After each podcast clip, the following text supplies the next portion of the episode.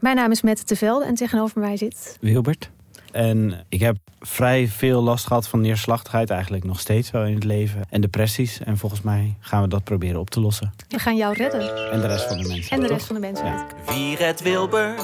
Dat is de vraag. Wie helpt hem bij de kwesties en problemen van vandaag? Luister naar Wie redt Wilbert en de rest van de mensheid. Een podcast van de VPRO voor NPO Luister. Kijk, de Jordaan. Daar ben ik geboren en getogen. De nieuwe Nederlandse musical Onze Jordaan van Diederik Ebbingen is dit najaar in de theaters te zien. Koop nu uw kaarten op onzejordaan.nl. Hallo, vanaf de redactie van De Groene Amsterdammer is dit uw wekelijkse podcast. Ik ben Kees van der Bos.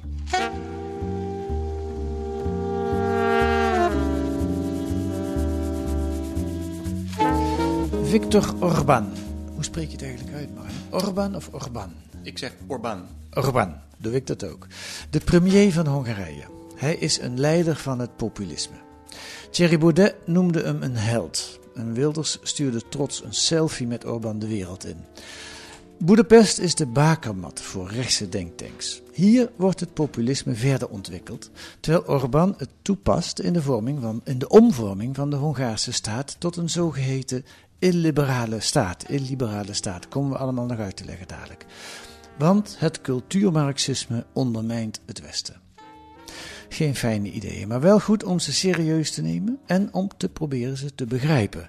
En dat doet Marijn Kruk deze week in een indrukwekkend profiel van Orbán in De Groene. Dag Marijn. Hallo. Eh, eerst iets over jou. Jij bent freelancer, woont in Frankrijk, maar nu even een paar maanden in Nederland. Ja, ik was afgelopen half jaar was ik fellow op het NIAS. Ja? En daar eh, werkte ik aan een boek over een serie eh, reportages die ik afgelopen anderhalf jaar gemaakt heb door Europa. En waar dit, ja, dit stuk over Hongarije eigenlijk onderdeel van is. Eh, en want die reportages Moet gingen ik even allemaal... zeggen, dus het NIAS, dat is het Ja, een- Institute for Advanced Studies. En dat is Ja. eigenlijk voor academici. Ja. Maar die hebben ook een plaats voor een journalist in residence. Ja. En ik had de eer om die te zijn. Ja, en dan krijg je faciliteiten. Ja, om- een werkkamer, een woonruimte in mijn geval, want ik woon in Parijs. Ja, En een staf. nou, en een staf. En ben je opgeschoten? Eh, ja, ik ben heel erg opgeschoten en ook wel een beetje dankzij dit stuk. Want ehm, dankzij dit stuk eh, kon ik een grote denksprong eigenlijk maken. Dit, ehm, ik heb erg veel tijd aan dit stuk besteed. Ja, dat is Ja. eraan af te zien. Ja. Ik heb veel tijd aan dit stuk besteed, ook omdat ik dacht... als ik dit doorgrond, dan heb ik echt mijn boek. En eh, als, ik dit doorgro- ja, als ik dit kan doorgronden, als ik deze... Ik moest ook een beetje loskomen van mezelf. Ik moest eigenlijk mijn eigen veilige bakens verlaten... en me proberen in te beelden in, eh, in heel andere eh, wateren, zeg maar. Dus Ja. ik dacht, als ik dat kan, als ik die sprong kan maken, die stap kan maken... dan heb ik eigenlijk eh, de lijn van mijn boek helemaal te pakken... in de kern van mijn boek. Aha. Ik denk dat dat ook zo is.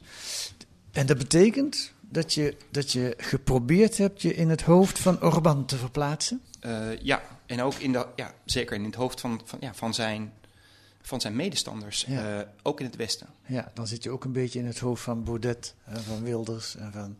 Ja. Ehm, Oké, en dat was nog niet zo gemakkelijk? Nou, dat, dat het, ja, het is ook een gecompliceerd stuk. Er zitten allerlei draadjes aan. Het is, eh, er is ook een link met Israël, er is een link met, eh, met, eh, met cynische spindokters, er is een link met gewoon de Oost-Europese geschiedenis die ik eigenlijk helemaal niet kende en waar ik me in moest verdiepen. Dus eigenlijk om dat allemaal tot één, één geheel te smeden, was, ja, dat, dat was veel werk. Ja. ja, het is wat je noemt een rijk stuk. Eh, al die, die draadjes die je noemt, die komen allemaal bij elkaar daar in Boedapest. Dat wist ik Ja. helemaal niet. Boedapest is echt een soort centrum, eh, ideologisch centrum van het populisme. Ja, en daar ben ik eigenlijk zelf eigenlijk ook een beetje per toeval achter gekomen. Dat, ehm, ik had al eerder een notie toen ik, eh, nou ja, het is nu een beetje op de achtergrond geraakt, maar je had die studiegroep Erkenbrand, die een tijd lang eventjes in de picture was. Ja, de Volkskrant heeft ze een keer in het zonnetje Ja. gezet, hè? Ja, en eh, die ook eh, op een gegeven moment, eh, zeg maar, Jared, een Amerikaanse white supremacist, Jared Taylor naar Amerika of naar Amsterdam haalde. En waarmee Baudet uh, uit vroeg heeft gedineerd. Wat Ja. weer de, aanle- de aanleiding was tot een lang stuk in de correspondent. Had jij dat onthuld of was dat Nee, nee, nee, nee, Oh, nee. Oké. Nee. Dat, Maar dat heeft hij zich nog flink voor moeten verantwoorden. Want die, die Zeker. Jared Taylor die deugt echt voor gemeten. nee, dat is een uitgesproken antisemiet. Een, Ja. Een uitgesproken eh, white supremacist. Ja. Uitgesproken racist. En, eh, maar ik, ik, eh, en een van die auteurs op Erkenbrand, die vond ik er eigenlijk altijd al uitspringen. En ik begreep van een bevriende journalist dat hij in Boedapest woonde. En daar keek ik van op. Ja. En ben eigenlijk al een jaar bezig om hem te vinden. Ja.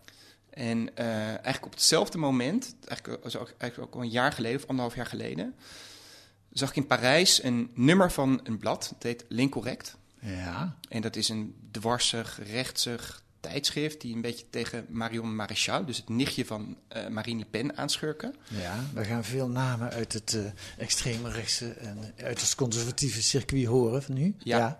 En die hadden, en, eh, zeg maar, die hadden een cover en die heette Le Soleil se lève à l'est. Ja. De zon komt in het oosten op. Ja. En dat is natuurlijk ook zo, want de zon komt in het oosten op. Eh, alleen, eh, dat, ja, dat was voor mij een soort openbaring. Want ik dacht van, ja maar, eh, wacht even. ehm, eh, het oosten is een voorbeeld. weet je.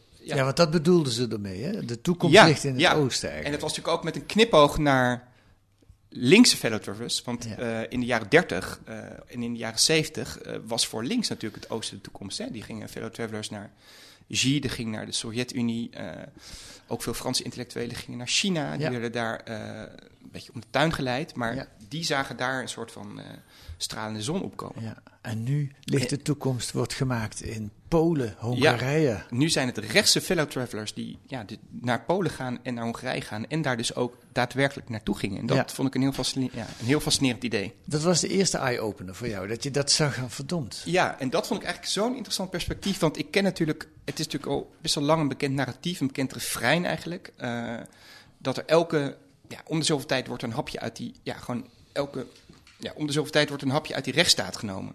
Ja. En eh, ik heb dat in Turkije, ik ben zelf een paar jaar lang in Istanbul correspondent geweest. En ik heb eigenlijk ook dat proces beschreven van hoe, ja, hoe Erdogan daar steeds een hapje uit die rechtsstaat, dat zijn allemaal fases. Welke, welke jaren zat je daar? En, eh, tussen 2015 en 2017. Oké. Dus Ja. ja, de, zeg maar tussen de, de opschaling van de oorlog in het, eh, in het, eh, in het Zuidoosten, nou ja, zeg maar tot en met de coup d'etat. Ja. Dat is een heel intensieve periode. Ja, ja. Maar ik, dat verhaal vond ik eigenlijk ook niet zo interessant. Want je weet, op een gegeven moment weet je welke kant het uitgaat. En ik vond het, ehm, ja, dus ik was op zoek naar een andere invalshoek. En toen dacht ik van, hé, maar dit, ja, dit zien we eigenlijk helemaal niet. Want we zijn in het Westen eigenlijk zo ehm, eh, bezorgd en, en eh, zo betrokken bij die uitoefening van die rechtsstaat. En dat is ook volkomen terecht natuurlijk, want dat Ja. is ook heel zorgwekkend. Maar dat we eigenlijk niet ehm, zien wat daar, ja, de werkelijkheid die zich daarachter bevindt. Ja. En dat Ja. vond ik nou heel interessant om Ja. die te onderzoeken. Ja, nou dat was ook wel een eye-opener voor mij. Kijk, eh, wij kijken toch een beetje neer op die landen. Die zijn nog niet zo ver als wij. Die hebben het kapitalisme pas na 1989 mogen ontdekken. En die moeten de zegeningen daarvan nog helemaal ontwikkelen. Eh, en ze doen dat een beetje onhandig. En de rechtsstaat weten ze allemaal nog niet zo goed. Maar dankzij jouw stuk kijk ik heel anders tegenaan. Ze zijn daar iets nieuws aan het uitvinden. Ja, en je zou zelfs kunnen zeggen dat eh, dat in zekere zin komt omdat wij daarop neerkijken. Omdat dat is ook zo gevoeld, eh, dat er op ze werd neergekeken. En eh, dat, zeg maar, terwijl ze tegelijkertijd heel erg hun best deden om, ons, om op ons te lijken, heel lang. Ja, ja. En dat, ja, en dat beschrijft zeg maar, Ivan Krastev, een Bulgaarse politicoloog die ik heb opgezocht in Wenen. ja. Heel mooi in een boek, dat heet The Light That Failed. Dus het licht dat faalde. Daar staat het licht voor lux, voor het liberalisme. ja. En dat dat eigenlijk juist dat imitatiegedrag vanuit een soort. Eh, ja. ehm, eh, ze hebben daar in dat oosten echt wel gevoeld dat wij op ze neerkeken. En dat eh, zij voelden zich ook inferieur. En dat leidt onherroepelijk tot een soort rancune. ja. En eigenlijk ja, is dat een heel belangrijke drive, een heel belangrijke basis eigenlijk voor de populariteit van nou ja, zeg maar leiders als Orbán. Ja, ja. Ja, daar komen we nog op. Misschien ook wel omdat een van de belangrijke kenmerken van die rechtspopulistische stroming is dat ze altijd aangevallen worden en in het nauw zitten. En zelfs al zijn ze aan de macht, er zijn altijd vijanden die ze bedreigen. Maar ik praat een beetje voor mijn beurt. Ik, wil eerst even Orbán eh, laten horen over zijn nieuwe democratie die hij aan het eh, uitvinden is. Eh, luister, moet ik even zeggen, afgelopen begin dit jaar was er in Rome een, eh, een, een bijeenkomst, eh, God, eer en vaderland, waar eh, Thierry Baudet ook aanwezig was. De, de, heel- de crème de la crème van rechtspopulistisch Europa zat daar. En op het podium werd feestelijk, zou ik bijna willen zeggen, geïnterviewd meneer Orbán. En die legde het allemaal nog eens uit wat hij aan het doen was. En hier begint hij uit te leggen waarom ze niet helemaal zich aan die liberale democratie houden. The liberal government failed. Obviously failed two times uh, in one decade. First is 2008, financial crisis in Europe. Liberal governments failed. They were not able to regulate in a proper way uh, the economy, and they were not able to, pre- uh, to defend their own economy against the crisis. And then in 2015, the liberal governments failed second time. Uh, that was the migration crisis. And the liberal governments failed to protect their own citizens. They failed to protect their own uh, borders and the security of their own citizens and stop illegal migration. So it means that liberal governments failed. And the basic principal basis for liberal governments was liberal democracy. So I said liberal democracy in that sense is over. We, can, we need something new. We can call it illiberal, we can call it post-liberal, you can call it Christian Democrat, whatever. But you know, we need We something need new. something new, want de liberale democratie heeft gefaald. Eh, dat is nogal wat, hè, wat hij hier zegt. Ja, zeg maar. Nou, ja, maar het is ook belangrijk om een misverstand uit de wereld te helpen. En dat is eigenlijk de schuld van Orbán zelf. En dat is het, eigenlijk het woord eh, liberale democratie.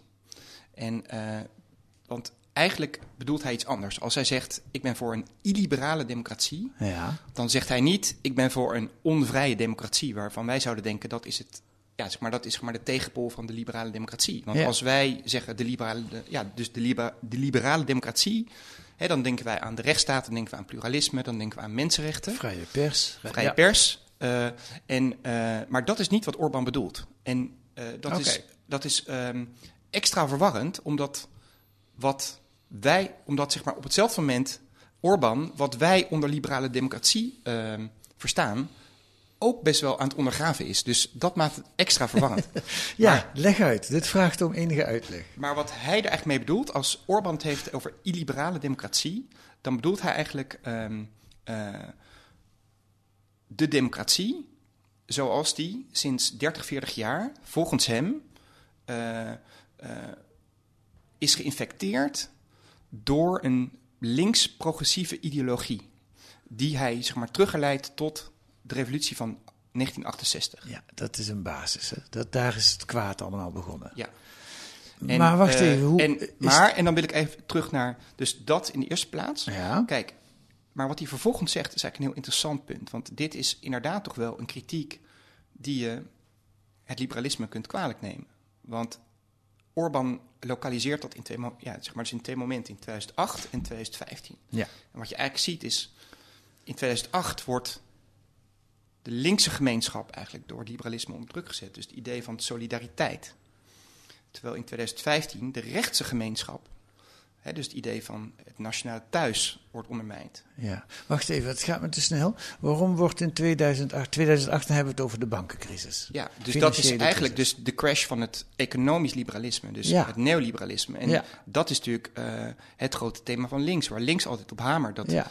de, de onderlinge solidi ja, dat de, sola- de solidariteit tussen de klassen, tussen de stad en platteland eh, is uitgehold. Ja, met andere woorden, liberalisme is veel te ver doorgeschoten. Heeft ook op het gebied van financiële constructies allerlei dingen Ja. toegelaten die Ja. eigenlijk helemaal niet dus op kunnen. economisch niveau, Ja. en wat Orbán zelf aangaat, is dat hij zegt, ja, zeg maar, ja, gewoon liberalisme is op cultureel, op cultureel identitair niveau schiet het tekort. Want het zet de grenzen open en daardoor wordt eh, ja, het idee van de nationale gemeenschap, de nationale identiteit bedreigd. Ja. ja, ik denk al wel meteen, dit is een truc eh, redenering in die zin. Die problemen die die aankaart zijn reëel. Die financiële crisis was er en die kwam door doorgeschoten liberalisme. De migrantencrisis is er ook en het, het is ook een beetje het failliet van Europa hoe we daarop gereageerd hebben tot op de dag van vandaag. Maar wat heeft dat met de liberale democratie te maken? Nou ja, dus niet zoveel. Maar dat komt door de begripsverwarring eigenlijk. En uh, die moet je dus erg scheiden. Dus het gaat, uh, wat Orbán eigenlijk in elk geval in de vertaling van die speeches... en in het Hongaars is het woord vrijheid ook weer net iets anders... Mm -hmm. is mij verteld, want ik spreek geen Hongaars.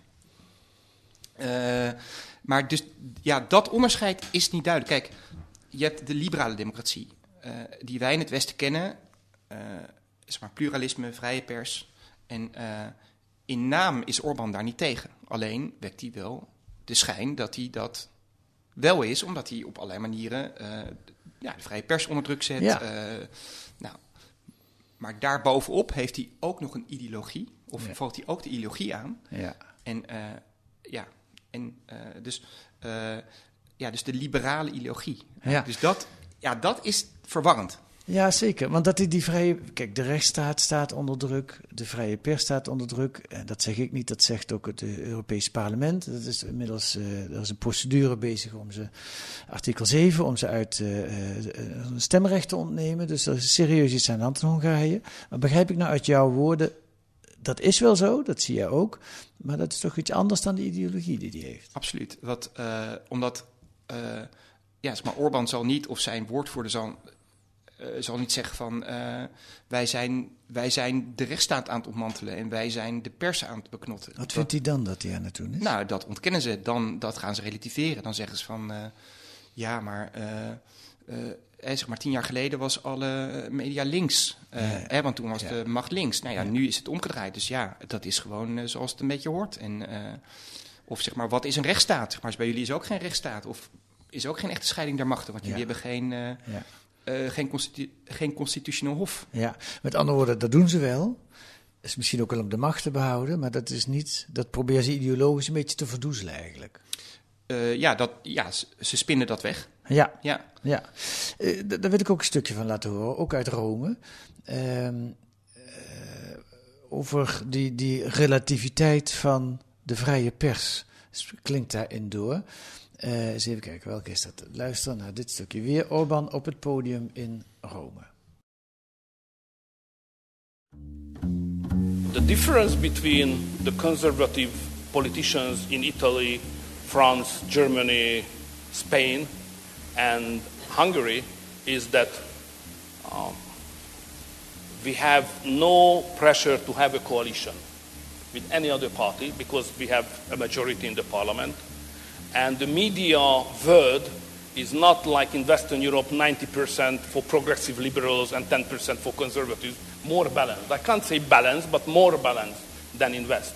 So when I stand up and say something, I don't make any compromise just because I have a, you know, a, a, a, a coalition partner or limited media background. So I am the only lucky man in the European politicians uh, among the conservatives who can say what I think. Ik hoor hier twee dingen waar ik het met je over wil hebben. Het ene is, en dat sluit aan op wat je net zei, die media die zijn niet helemaal in balans bij ons. 90% is in handen van links en 10% in handen van rechts. En daar heeft Orbán wat aan gedaan. En ik neem aan dat dat ook zijn rechtvaardiging is. Bijvoorbeeld onlangs heeft hij Index, een grote nieuwssite. Er wordt gewoon de hoofdredacteur uh, ontslagen. Er komt eigenlijk ook een nieuwe redactie. Ja, dat is een extreme vorm van ingrijpen in de vrije pers. Hij zegt, dan breng ik de pers een beetje in evenwicht. Ja, zo rechtvaardigt hij dat voor zichzelf. Ja, ja. Uh, dus hij doet het wel. Het lijkt nergens op, maar het is niet zo dat hij daar ideologisch, dat hij daar een ideologie van heeft gemaakt. Nee, dit is gewoon plat autoritarisme, zou je kunnen ja, zeggen. Dat, ja. Wat je ook met Erdogan ziet, hè? Dat, dat hij laat zijn vrienden, je hebt een soort crony capitalism, hij laat zijn vrienden, gunt die grote, grote bouwopdrachten, grote, grote contracten. En laat hij ook uh, grote media overnemen. Ja, het andere, en dat, dat interesseert me mateloos bij, bij populistische politici, ik ben benieuwd wat jij daarvan zegt. Je hoort hem op het eind ook zeggen: Ik ben eigenlijk de enige eh, populistische politicus die kan zeggen wat ik denk. Want ik heb geen, geen coalitiepartner in eigen land die mij lastig zit. En de pers heb ik ook een beetje op orde gebracht. Eh, dat zegt hij eigenlijk letterlijk zo. Maar wat er steeds uit spreekt, en dat vind ik echt fascinerend. We hebben het hier over een beweging die langzaam aan de macht aan het komen is. Die in een aantal landen de macht heeft. De Brexit is geweest, Trump eh, in Amerika, Orbán in eh, Hongarije.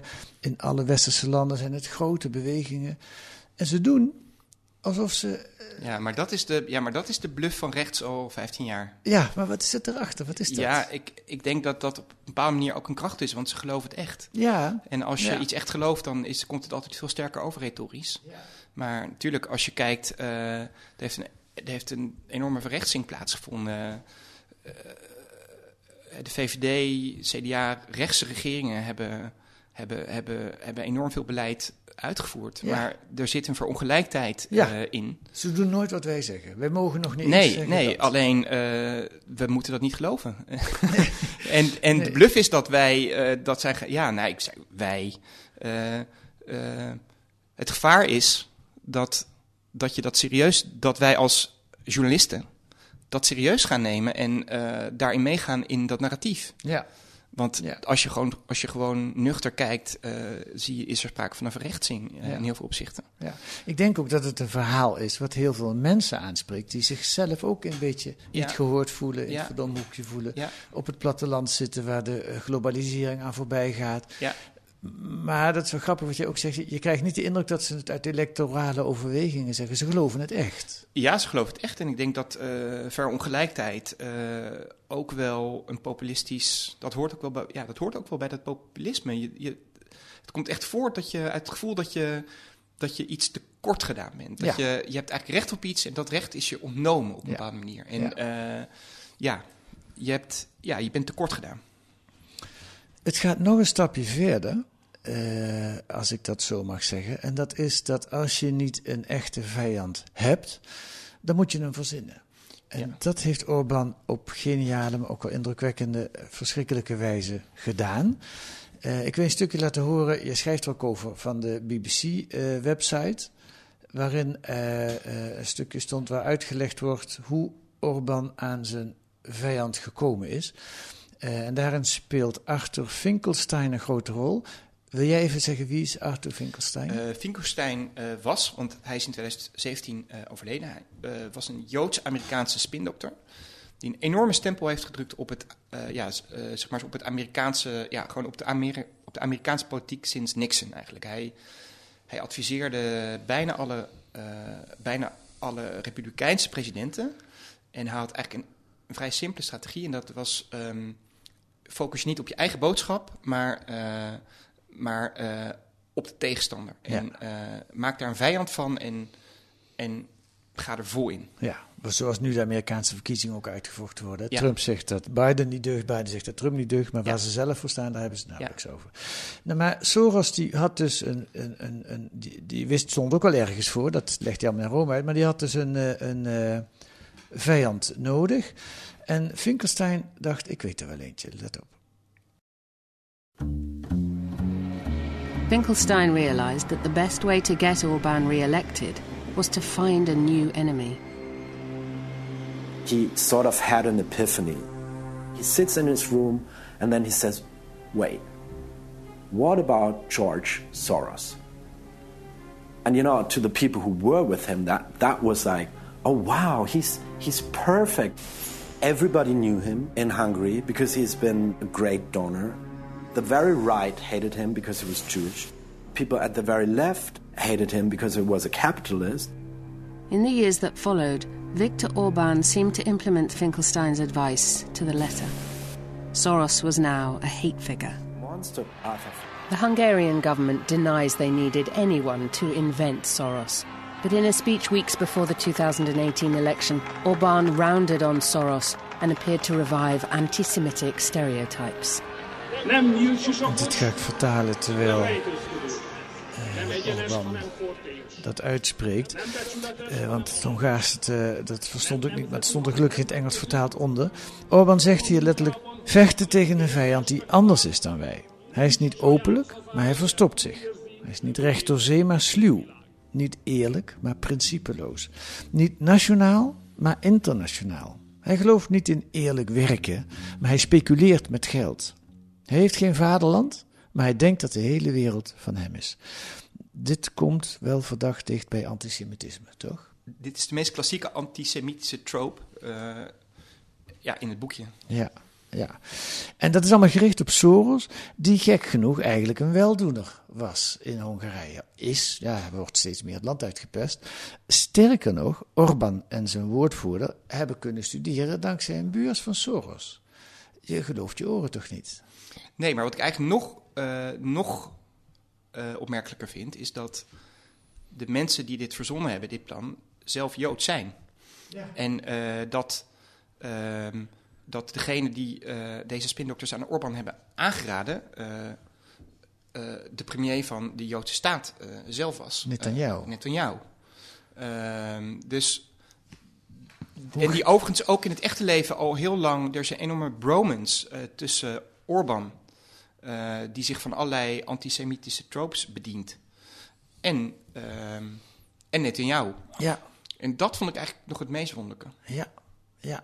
ja eigenlijk is het, als je het in een roman zou bedenken, zou het een beetje overdreven zijn ja. allemaal. Maar het gebeurt gewoon. Ja, ja. En het is hem ook gelukt, hè? die Soros is een soort haatfiguur geworden. Ja, en niet alleen in Hongarije natuurlijk, maar ver ja. daarbuiten. Ik kan me goed herinneren dat ik uh, vorig jaar uh, uh, de opstand van de gele hesjes versloeg in, uh, in Frankrijk, in Parijs. En ja. daar, wat je daar toch ook zag aan hoe Soros daar ook een, een haatfiguur was. En uh, daar was ook overal antisemitisme. En daar was dat idee van dat complot hè, tussen, ja, zeg maar tussen Macron, die zelf een, ja, die zelf een investmentbanker is geweest bij, moet ik even nadenken, bij, bij Rothschild. Ja. ja, dus ook een Joodse familie, een Joodse man. Uh, en daar kwam Soros ook de hele tijd op. En het is natuurlijk ook in alle complottheorieën die, die er nu gaan over, over rond het virus, rond 5G. Vaak zie je toch ook dat op de achtergrond daar dan dat idee is van Soros die daar achteraan de ja, trekt. Ja, maar het is toch fascinerend, ook in het licht van waar we het net over hadden. Ja, dat die enorme echo's buiten Hongarije. Ja, nee, maar ik bedoel eigenlijk niets anders. Het fascinerende vind ik ook dat de populisten altijd. No, ik zeg maar even de populisten, ik scheer ze allemaal over één kam. Maar in dit geval kan dat misschien ook wel een beetje, want ze hebben altijd zo'n zo'n underdog-positie nodig. Zo'n grote vijand die ze, die ze het leven zuur maakt, waar ze, waar ze tegen geholpen moeten worden. Uh, ja, en, maar hoewel het ergens natuurlijk ook wel hout snijdt in die zin als je kijkt... Kijk, Finkelstein zegt als je als je, ja, als je de Taliban wil verslaan, dan moet je Bin Laden aanvallen. Uh, je, moet, je moet een aanval altijd op een persoon ja. richten. Hè? Ja. Niet op iets vaags, niet op een weging. Ja. En waar, wat willen die nationalisten nou aanpakken? Nou ja, wat zij het globalisme noemen. Hè? Dus, uh, of de davocratie. Dus die, dat idee van de globalisering, uh, die dus de nazistaat van alle kanten bedreigt. Davocratie, dat is gericht op die bijeenkomst één keer per jaar van ja, alle ja, internationale hotshots in Davos en grote economen. Ja, oké. Okay. Dus, hè, dus die nationalisten die, die willen afrekenen met ja, de globalisering. Um, en in die zin is natuurlijk uh, Soros ook wel, nou, in zekere zin zou je hem kunnen framen als de verpersoonlijking van die globalisering of van dat globalisme. Uh, en dan krijg je dus de rare situatie, ja, en dan krijg je dus de rare situatie dat wat jij aanvalt eigenlijk synchroon is met synchroon gaat lopen met wat gewoon ook antisemitisme is. Ja. En op hetzelfde moment, en dat is het hele complexe, uh, want um, uh, de Jood werd natuurlijk altijd voorgesteld als iemand die, die niet thuis was in een land, die, die, die, die ontworteld was in zekere zin. Maar in Israël is hij wel geworteld. En uh, is daar ook een aan etno-nationalisme grenzend natiebesef aan het ontstaan. Er is een Joodse staat, hè? Ja, dat is tegenwoordig ja. een wet, dat mag je zo zeggen. En uh, dus dat maakt op een of andere manier hoe verklaart voor mij in zekere zin die sympathie ook wel tussen Orbán en uh, Netanyahu. Ja. Ja, het blijft. Uh, Het blijft fascinerend hoe dat, eh, hoe, hoe dat loopt. Nou, en verontrustend. En verontrustend, zeker, ja. Ehm, nog één ding wil ik aanstippen. Eh, ik zag dat je ook Renaud Camus geïnterviewd hebt. Die stond ook uitgebreid in Trouw een keer in een stuk van jou, maar ik- je haalt hem ook in dit stuk aan. De theorie van de grande remplacement. Dat is ook weer zo'n theorie die eigenlijk een soort complot eh, maakt waar je dan lekker tegen kan vechten. Ehm, de grande remplacement. remplacement, wat is dat? Leg het even kort uit. De grand remplacement, dat wil zeggen de, eigenlijk de, ja, dus de grote vervanging. Eh, dat is het idee dat, ehm, dat eh, de witte christelijke West-Europese bevolking wordt vervangen door immigranten. Ja. En dat, dat, eh, en dat eigenlijk dus migranten, vooral moslims en mensen uit Afrika, ehm, eh, zwarte mensen, ehm, dat, die, dat er een soort objectief complot is tussen links-liberale elites die macht hebben en deze migranten. Ja, want het zijn twee stappen. Die verdunning, zoals het Baudet het ooit genoemd heeft, met die omvolking, die is aan de hand. Maar hij is ook nog gepland dus door Ja. links-liberale Ja. elites. Die willen dat. Waarom ze dat precies willen, is me nooit duidelijk geworden, maar die willen dat. Nou, eh, wat ik begreep van Camus is dat het eigenlijk ook een soort van kapitalistisch complot is. Dat, eh, dat je, dat je eh, want, het, want het uiteindelijke doel is het afschaffen van het idee van, ja, van, van de natie of van het volk. En dat, Ja. je, dat je eigenlijk een soort wereldbevolking krijgt, waardoor je dus je producten vrijelijk kan verspreiden. Hm? Ja. Gelooft Camus zelf echt in zijn theorie, denk je? Ja, wie ben ik om daar aan te twijfelen? Nee, ik bedoel, statistisch gezien is het tamelijk onzinnig om Ik te heb het hem allemaal voorgelegd, maar eh, dat, is, eh, dat, is, eh, dat is niet. hij, hij zegt gewoon letterlijk: het gaat om stemmen. En eh, hoe meer moslims er komen, op een gegeven moment zullen zij de meerderheid hebben. En, eh, en ons, nou ja, de oorspronkelijke Europese bevolking eh, wegstemmen. Ja. En dan wijs ik gewoon op, op, Ja, op groeicijfers Ja. en ook op geloofsafval van generaties die hier langer zijn. En dat, slaat nergens op. Nee, ja. nee. Dus dat, ja, nee, dat, dat, maar dan zie jij het verkeerd. ja, nou ja, ja. Orbán heeft het er ook over. En dan wordt het al iets eh, eh, eh, vager en daardoor ja, bijna begrijpelijker. Weer in Rome, weer op dat podium. En hier vertelt hij glunderend dat ze nul moslims hebben in Hongarije. Nou, daar heeft natuurlijk flinke ruzie over met de EU. En dan komt die omvolkingstheorie, zonder het woord te noemen, eigenlijk ook een beetje naar boven. Let, luister maar. In Hungary, we have Muslim migrants, that number. So zero. So we don't have. So the Hungarian, so the Hungarian situation is totally different from the Western countries and the Southern countries. And you know, it's a poor mathematics to understand where the Western countries will develop in terms of demography and composition of their society. You know, mathematics is very severe thing. So it's obvious that they will create, it will be developed or evolved a society which will be a composition of a big Muslim community which is growing and the Christian community which is decreasing anyway.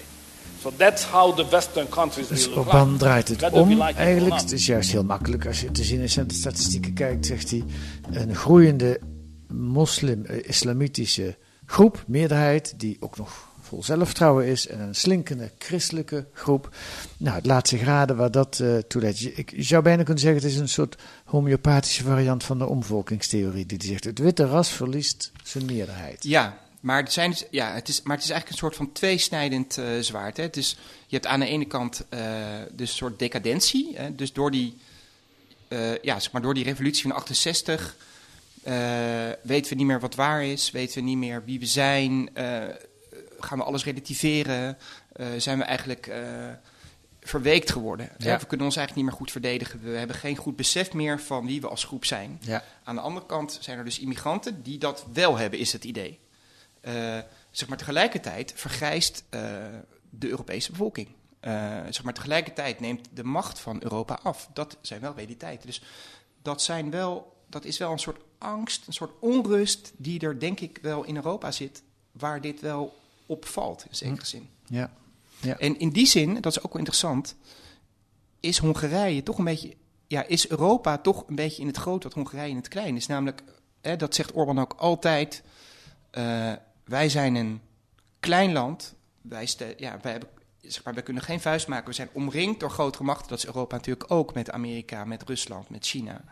Eh, onze bevolking krimpt. Eh, eh, wij, ja, we zijn in zekere zin bedreigd. En wees daar goed bewust van. En, en in die zin is eigenlijk eh, Hongarije toch een soort van tellingtil ook voor Europa in het algemeen. Dat, Ja. is, ja, nou, dat is de, de boodschap, dat is de retoriek.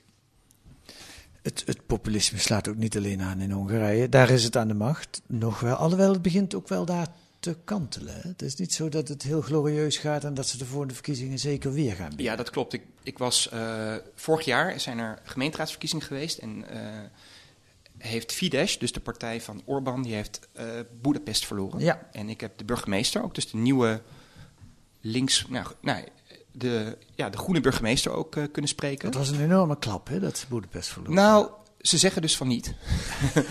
Eh, dus de woordvoerder van, van Orbán, eh, die, die een heel markante persoon is overigens, die Ja. Zoltan Kovac, ja. eh, die, die, ehm, die relativeert dat natuurlijk gelijk, dat ze dat wel hadden zien aankomen, dat de metropool altijd wat linkser is en dat het niet erg was, want het echte heartland is toch ja, buiten de stad, het platteland. Maar natuurlijk is dat een klap. En het is ook ironisch dat in zekere zin eh, alle, landen, ja, alle vier landen van de Visegrad-groep, hè, die dus eh, een soort nieuw leven heeft gekregen, dat werd gezien als, daar waren allerlei, ja, er waren allerlei, eh, allemaal rechtspopulistische regeringen. Ik moet even denken. Hongarije, Polen, Tsjechië, En Slovenië, dacht ik. Denk Maar ook. dat in alle vier die landen nu de hoofdsteden in, in linkse handen zijn. Hm. Dus dat is toch wel een hard gelach. Ja, ja. En ja, Ehm, tot slot, want we kunnen hier nog, nog heel lang over doorgaan. eh, ehm, maar we gaan, ik wil het afronden. Ik ga je een vraag stellen die je eigenlijk helemaal niet hoeft te beantwoorden. Maar die mij toch enorm bezighoudt bij het lezen van jouw stuk. Ehm, wat het goede daaraan vind ik dat je er steeds meer van begint te snappen. Van die denkwereld. Ehm, wat moeten andere politici nou daar tegenover zetten? Wat moet je daar tegenover doen, tegenover dat gooiend populisme? Geef eens een advies. Buiten, treed eens buiten je journalistieke rol, als je dat wil. nou ja, kijk. Eh, ik beschouw mezelf als liberaal.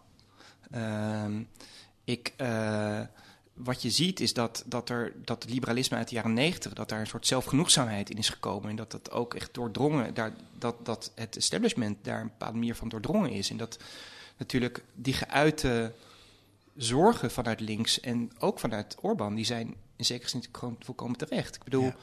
Eh, je kan niet zonder solidariteit tussen de klassen, tussen de stad en het platteland. Je kan niet zonder een zeker idee van zeg maar, collectieve identiteit. Je kan niet zonder een idee van thuis of wie wij zijn. Je moet daarover nadenken. Je moet dat serieus nemen. Ja. Dat, hè, dat, dat zit heel diep in mensen ook. Ja. Eh, dus dat moet je niet veronachtzamen. Dus je moet dat, denk ik, serieus nemen. Ja. Ja. En dan, zitten, dan gaap, kijken we wel naar een leegte. Heb ik het idee. Of zie jij daar een nieuw idee? Nou, kijk, het probleem van het liberalisme, dat is natuurlijk altijd dat het, eh, dat het wil overlaten aan mensen wat ze zelf. Dat het, overlei- ja, dat het wil overlaten aan mensen om te, om te bepalen eh, wie ze zijn.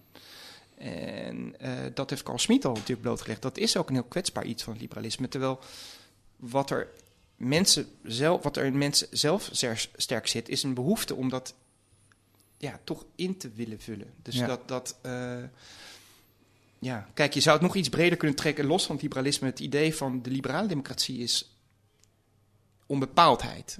Eh, dat is dat je eigenlijk openlaat wat je bent, waar je vandaan komt en waar je naartoe gaat. Elke dag wordt dat weer opnieuw, moet je dat weer opnieuw met elkaar bepalen.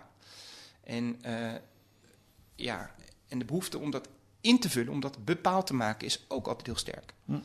Eh, en En daar komen deze populistische partijen aan tegemoet, aan die behoefte. Nou ja, dat zie je natuurlijk ook heel erg weer in Amerika. Eh, dat dat eh, je ziet de fans van Trump. Nou ja, of nou ja, de fans, ja, ik zeg de fans van Trump, maar dus aanhangers van Trump zijn fans van hem. Die, Ja. die accepteren, dat zijn geen burgers meer. Die kijken niet wat goed is voor het land, maar die kijken Ja. gewoon puur, dit is onze man. Ja. ja. Goed, wat op het spel staat is niets minder dan de westerse beschaving. En dan eh, citeer ik eigenlijk eh, Orban. Eh, Marijn, dankjewel. Wanneer is je boek af? Over twee maanden. Kijk, daar gaan we je aan houden. En dan hoop ik je misschien wel weer terug te zien. Dankjewel voor deze toelichting. Graag gedaan.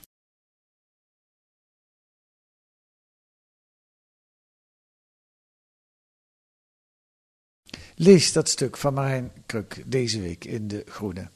En verder, een onderzoek naar fraude met dierenaantallen en mest door veeboeren. Haha, daar is het weer. Hier is, hierdoor is de ammoniakuitstoot in Nederland een stuk hoger dan de modellen berekenen. En een reconstructie van het verborgen leed in de ouderenzorg tijdens de coronacrisis. Uit eenzaamheid weigerden ouderen te eten en te drinken. En personeelsleden werden geconfronteerd met demonstraties van familieleden. Allemaal te lezen met een abonnement of een proefabonnement. Ga naar groene.nl, daar wordt u dat allemaal uitgelegd. U kunt ook reageren via de mail. Ons adres is podcast.groene.nl. Podcast.groene.nl. U kunt ons ook sterren geven in de podcast-app of een korte recensie. Dan krijgen we. Volgende week zijn we er weer met analyses en achtergronden bij het nieuws in deze podcast van de Groene Amsterdammer. Die deze week werd gemaakt door Madelon de Goffau en Kees van der Bos. En de muziek is A Tune for N van Paul van Kemenade.